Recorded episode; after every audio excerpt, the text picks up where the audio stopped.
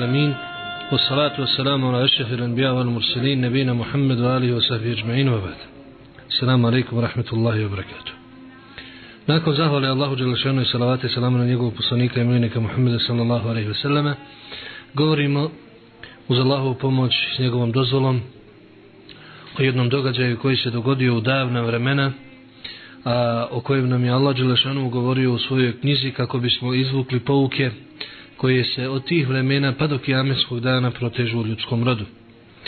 To su, to je događaj naime dvojice Ademovih sinova. Dvojice Ademovih sinova Habila i Kabila koji su sporili se oko ženitbe i udaje što je dovelo do prvog krvoprolića na zemaljskoj kugli. Naime, mi smo u prošloj emisiji govorili o Ademu a.s. I govorili smo o tome kako ga je Allah Đelešanu stvorio i čime ga je sve odlikovao tokom stvaranja. Nakon toga vidjeli smo da je boravio u džennetu i zbog čega je izveden iz dženneta i spušten na zemlju. A, govorili smo i o tome kako je šeitan iblis zakleti neprijatelja Ademovog potomstva i zbog čega je to se dogodilo. A danas ćemo govoriti o tom događaju e, koji se dogodio između njegovih sinova. Naime, o čemu se radi? Adem a.s. i Hava kao prvi ljudi dobijali su po dvoje djece u svakoj trudnoći, znači dvojke, muško i žensko. I bilo je propisano naravno da bi se ljudski rod razvijao da uzimaju se i žene se i udaju iz različitih e, tih rodova. Naime, jedan brat od odove da uzme drugu sestru i tako dalje. Jer nije bilo ljudi dovoljno i kasnije su se šarijati razvijali svih poslanika, tako da je upotpunjen sa Muhammedom sallallahu alaihi ve selleme, gdje je naravno svaki takav vid e, zabranjen i smatra se grijehom. Međutim, u to vrijeme nije bilo znači drugog izlaza i tako je i dogodilo se. Međutim, jedan od njih nije bio zadovoljan tom raspodjelom i želio je ostaviti za sebe sestru s kojom se rodio. Adem im naredi da prinesu žrtvu, pa čija bude prihvaćena, on će, znači postupit će se po onome što on želi. Prinijeli su žrtve i bila je, bila je prihvaćena žrtva i kurban onog Ademovog sina koji je slušao svoga oca i želio ženiti, znači, ženu kako je propisano tada u Ademovom šerijetu. Ovaj se naravno naljutio i rasrdio i malo pomalo odlučio se na taj postupak, a to je da ubije svoga brata zbog zavisti i ljubomore. Pade prva ljudska krv na ovu zemlju, dogodi se taj najveći grijeh nakon širka, a to je nepravedno ubijstvo, i Ademov sin bi kažnjen zbog toga što je uradio. O tome nam je Allah Đelešanu govorio u suri Maide, pa je rekao وَاتْلُ عَلَيْهِمْ نَبَأَ ابْنِ آدَمَ بِالْحَقِّ إِذْ قَرَّبَ قُرْبَانًا فتقبل من أحدهما ولم يتقبل من الآخر قال لأقتلنك قال إنما يتقبل الله من المتقين لئن بسطت إلي يدك لتقتلني ما أنا بباسط يدي إليك لأقتلك. إني أخاف الله رب العالمين. إني أريد أن تبوء بإثمي وإثمك فتكون من أصحاب النار وذلك جزاء الظالمين. إتيم كزوي إغوري vijest o dvojici Ademovih sinova prema istini. Njih dvojica su primjeli Allahu Đelšanu žrtve kaže se da je jedan od njih, pošto je bio stočar, kao žrtvu donio i prinio debelu ovcu. A ovaj drugi, pošto je bio zemljoradnik, donio je nekakve osušene plodove koji nisu bili baš nekog kvaliteta. I tada se spustila vatra sa neba, što je bio običaj u priješnjim narodima, kako se spominju u hadisima Allahovog poslanika, sallallahu alaihi veseleme, čak i kada je bio u pitanju ratni plijen, nisu imali pravo da to uzimaju, nego bi se spuštala vatra, to bi sve zapalila i ne bi imali pravo toga ništa da uzmu. I prihvatila je, naravno, ovcu, a ovo ost, e, žrtvu ovog drugog brata nije. فتقبل من أحدهما ولم يتقبل من الآخر i žrtva i kurban bi prihvaćen od jednog a odbijen od drugog kale la aktulenik ovaj čiji je kurban odbijen reče ja ću te sigurno ubiti znači prijetnja kale innama je taqabbalu Allah minel muttaqin a ovaj njemu odgovori Allah Đelešanohu prihvata dijela samo od onih koji su bogobojazni. Zbog toga se prenosi od nekih ashaba da su rekli kad bi znao da mi je jedna srđda kod Allaha prihvaćena, poželio bi smrt. Zašto? Zato što Allah Đelešanovu prihvata samo od onih koji su bogobojazni. I ako ti Allah prihvati tvoje djelo, tvoj namaz, tvoj zekat, tvoj post i ostala dobra djela, to znači da si bogobojazan. U suprotnom, ne. Dalje nastavlja i kaže mu la in basatta ilayya jedek li taqtulani ma ana bi basit yadi ilayka li aqtulak. Inni ahafu Allahe rabbul alamin.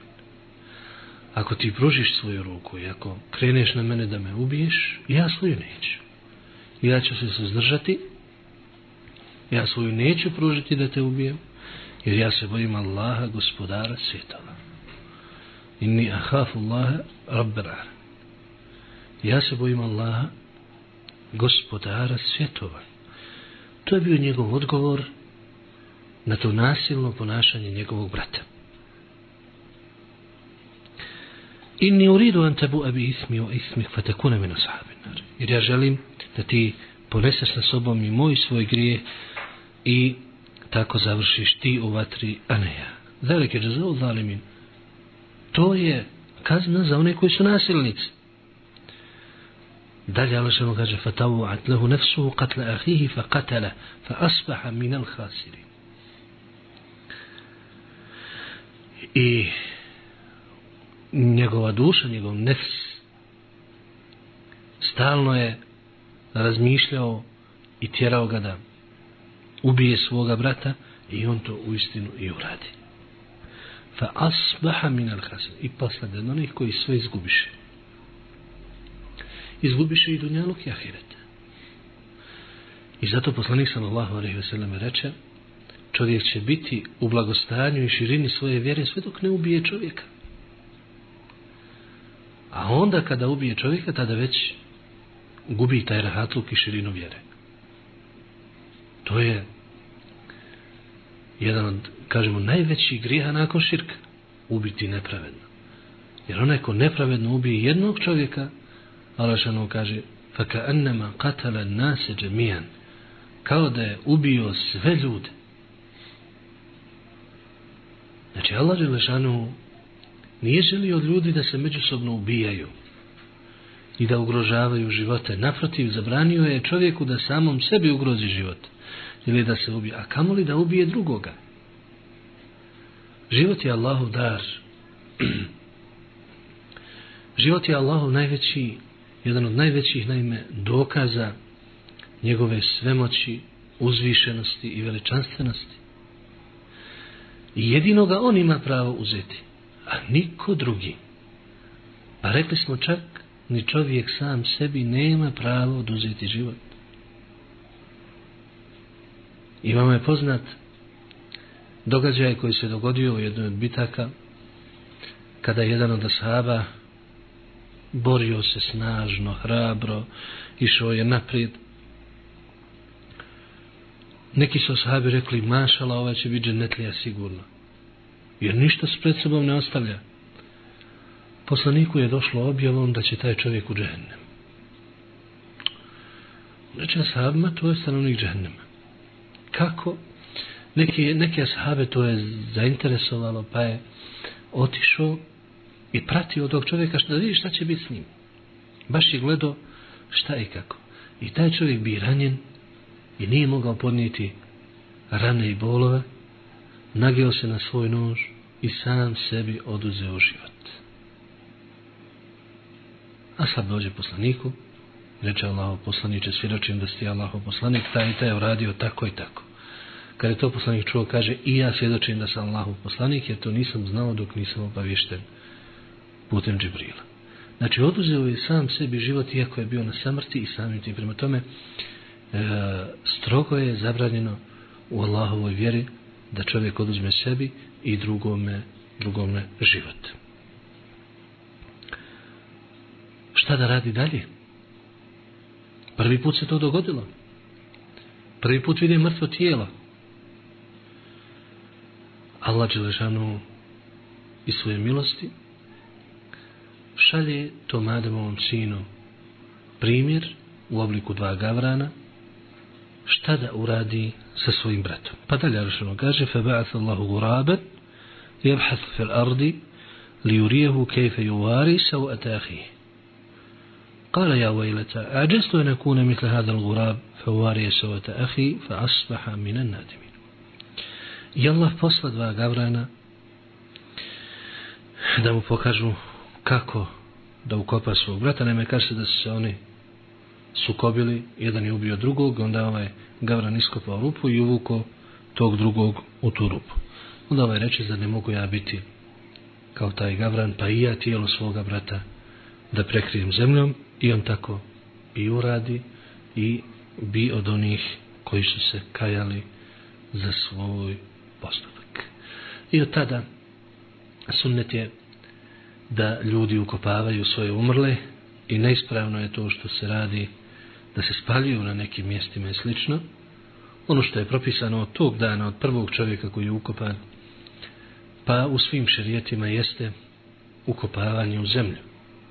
I to je ono što je dostojno čovjeka i što je čovjekov, što bi rekao, kraj i završetak kako je to Allah odredio. Znači svaki drugi način nije, nije ispravan. To se dogodilo dvojici Ademovih sinova. Pouke iz ovog događaja su u istinu brojne. Prvo što zaključujemo iz ovog događaja i što upada u oči, to je ljudska pohlepa, zavist i ljubomora. U istinu to je ljudska osobina e, koje se mogu riješiti malobrojni. I ta osobina izaziva velike, velike probleme ljudima, naročito ako su dobrostojeći, ako imaju određeni položaj i sl.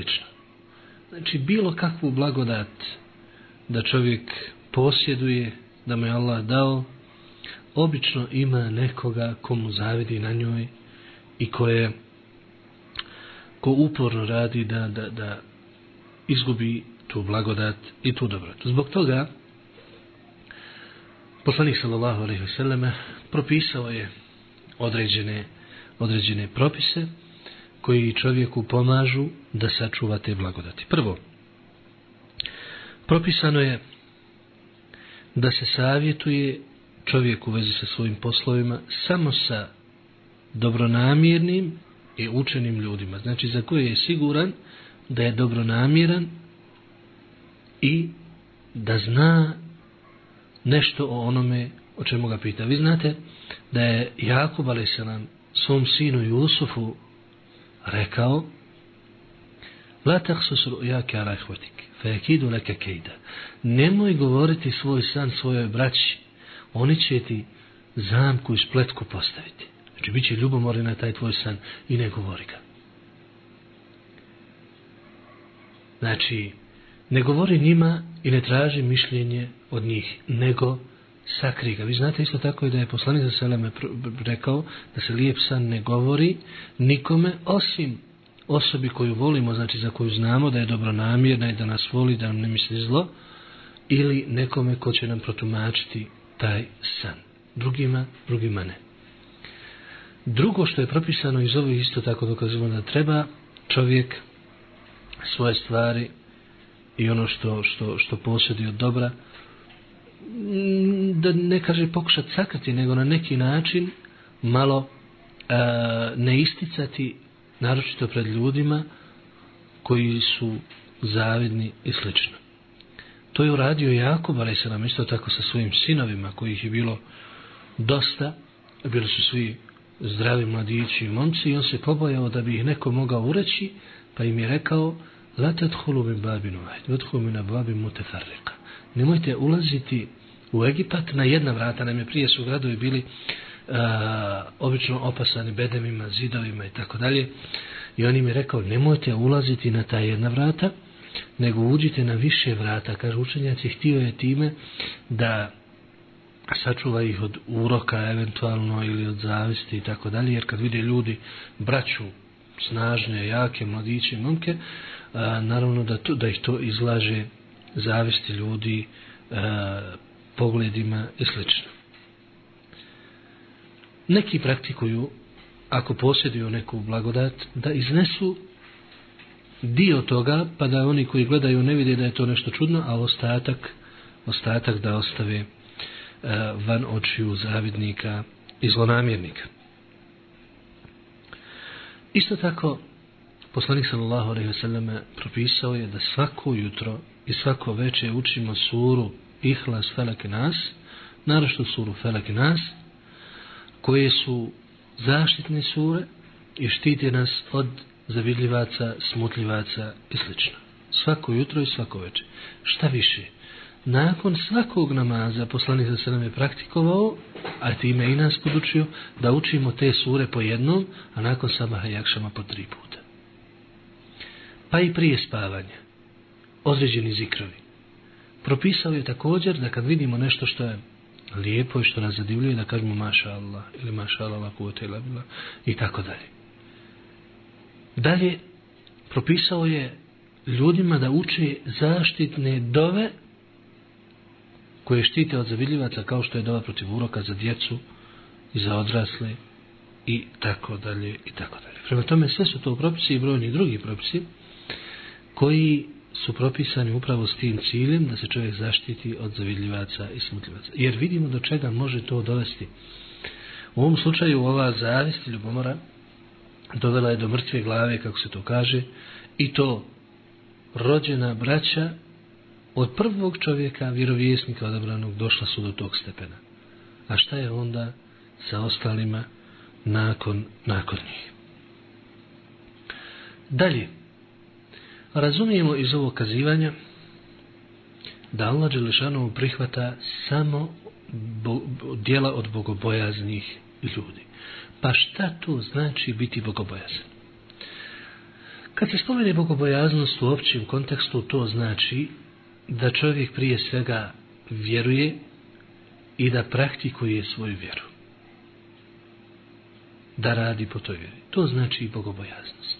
Ukratko, da uradi ono što mu je naređeno i ostavi ono što mu je zabranjeno.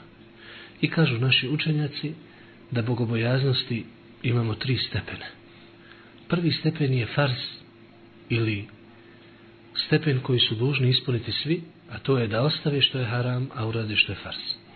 Drugi stepen je da uz rađenje farzova i ostavljanje harama radi što je lijepo i poželjno uraditi, takozvane mendube ili neki zovu sunnete i tako dalje. Znači poželjne stvari.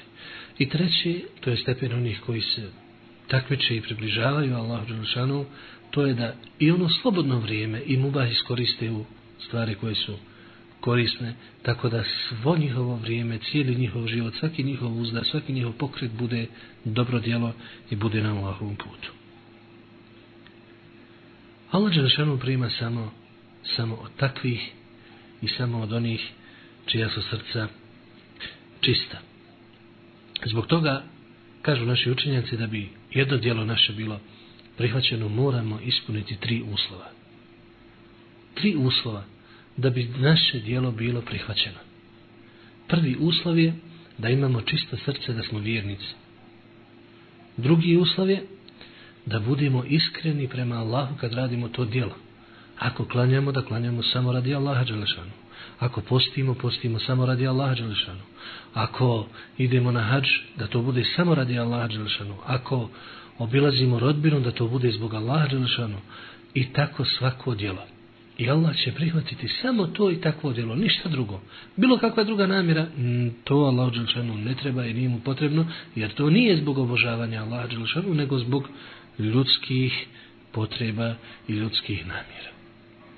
I treći, to tijelo određeno mora biti propisano od strane poslanika u formi u kojoj je poslanik sa selem obavljao. Znači, ako postoji određena forma propisana, mora se ispoštovati, jer Allah Đelešanu je i poslao poslanika upravo zbog toga da bi ga ljudi obožavali kako ga je poslanik obožavao, a ne kako ko hoće i kako ko misli da bi trebalo. To su tri uslova i svako dijelo koje ispuni ta tri uslova bit će primljeno kod Allaha Đelešanu. Ako nedostaje jedan od ovih uslova, neće imati nikakve koristi od djela. Dalje iz ovoga razumijemo da je Ademov sin ili dobri Ademov sin bio učen i bogobojazan. Da je bio učen ukazuju ove njegove riječi. Znao je šta Allah voli šta ne voli. A da je bio bogobojazan ukazuju njegove riječi, na, na, na to ukazuju njegove riječi i nije hafullah. Ja se bojim Allaha gospodara svijeta. Potom ukazuje i njegov kurban. Nije donio nešto bezvrijedno, nešto što malo vrijedi ili slično, nego je donio, kako se spominje, debe, debeo kurban, dobar, ugojen. Što ukazuje da mu nije bilo žao kada daje radi Allaha Đelešanu. Dalje, iz ovoga razumijemo, također, iz ovog kazivanja, da kada su u pitanju smutnje i kada je u pitanju nasilje, bolje postupiti kako je postupio Ademov sin koji se nije, nije branio. Jer nasilje može se odbiti istom štetom većom štetom ili manjom štetom. Bolje je uvijek izabrati manju štetu. Dalje iz ovog kazivanja razumijemo koliko je ubijstvo poguban čin. Ubiti čovjeka, rekli smo da je jedan od najvećih grijeha. I poslanik sallallahu alaihi ve selleme je to jasno naglasio rekavši Ela uhbirukum bi akbar il kebair. Hoćete da vam kažem koji su najveći veliki grijesi? Znači imaju veliki pa imaju oni najveći. Pa je nakon širka sihra nakon širka sihra rekao o katlu nefse leti harram Allah illa bil haq. I ubiti čovjeka nepravedno bez ikakva osnova. Znači, ubiti čovjeka je uistinu nešto, nešto uistinu veliko. I zbog toga neke stvari koje se dešavaju danas u svijetu uistinu teško su opravdati. Mi živimo, nažalost, u vremenu kada ubica ne zna zbog čega je ubio, a ubijen ne zna zbog čega je ubijen, kako je to poslanik sallallahu alaihi ve sellem i najavio. I u drugom hadisu kako je najavio da će pred kiametski dan nastupiti dani e, velikog i čestog ubijanja. Znači jednostavno ljudi će se ubijati, a neće znati ni zašto nikako i šta su skrivili. Nažalost. Jer često u današnjem svijetu vidimo da e, najlakše izgubiti, izgubiti život i da život nema neku posebnu vrijednost kod današnjih čovjeka, iako iako postoje ljudi koji se dižu protiv toga, koji govore protiv toga i na istoku i na zapadu, e, osnivaju se Eh, udruženja i razne organizacije da zaštite čovjeka i mislim da je najbolji pokazatelj koliko je ugrožen čovjek danas to što postoji toliki niz organizacija i udruženja koje štite čovjeka u život i čovjekova prava.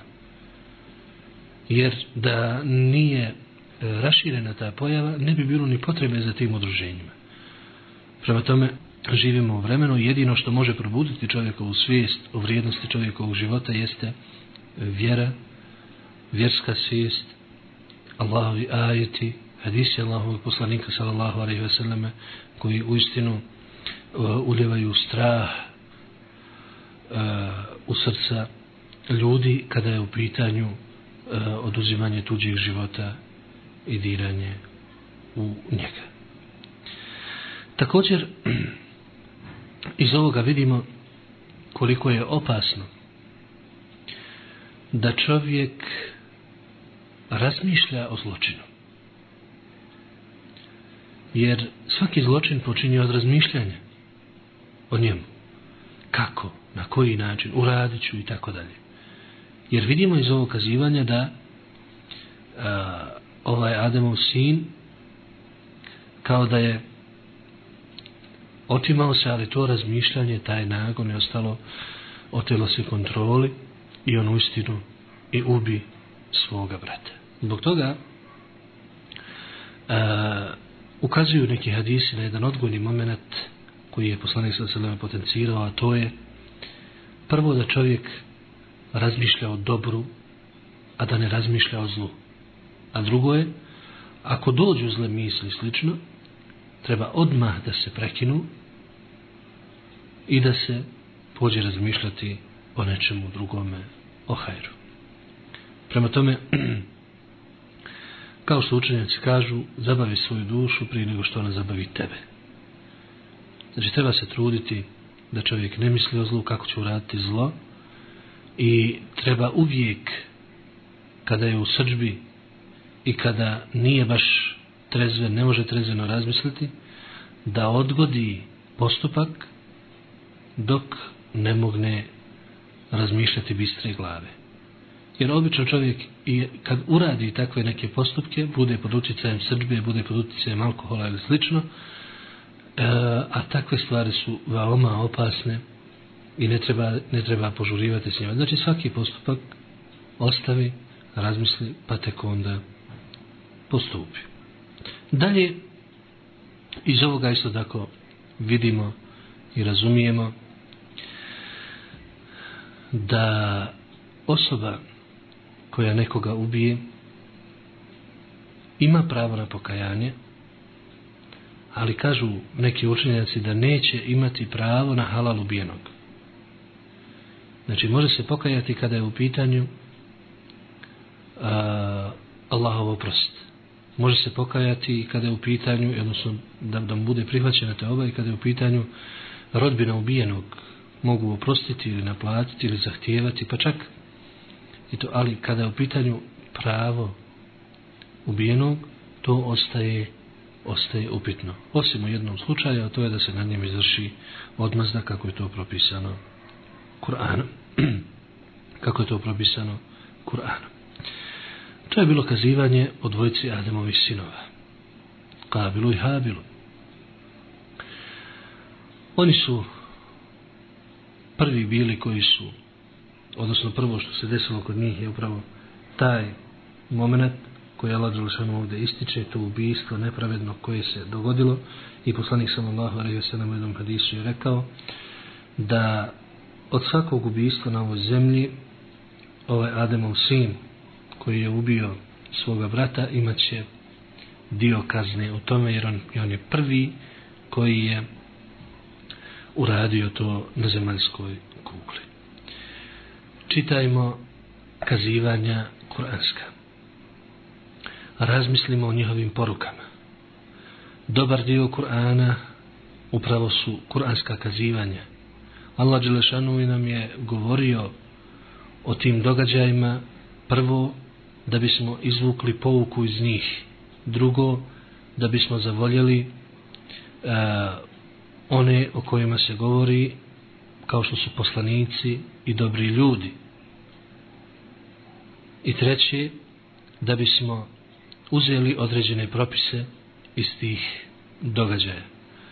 Kuranski, kuranska kazivanja obiluju mudrostima, obiluju e, propisima i koristima zbog toga treba ih što više čitati, iščitavati i najozbiljnije, najozbiljnije shvatiti. Molimo Allah Đelšanu da nas pomogne, da nas učini od onih koji će Kur'an čitati, iščitavati i o njemu razmišljati.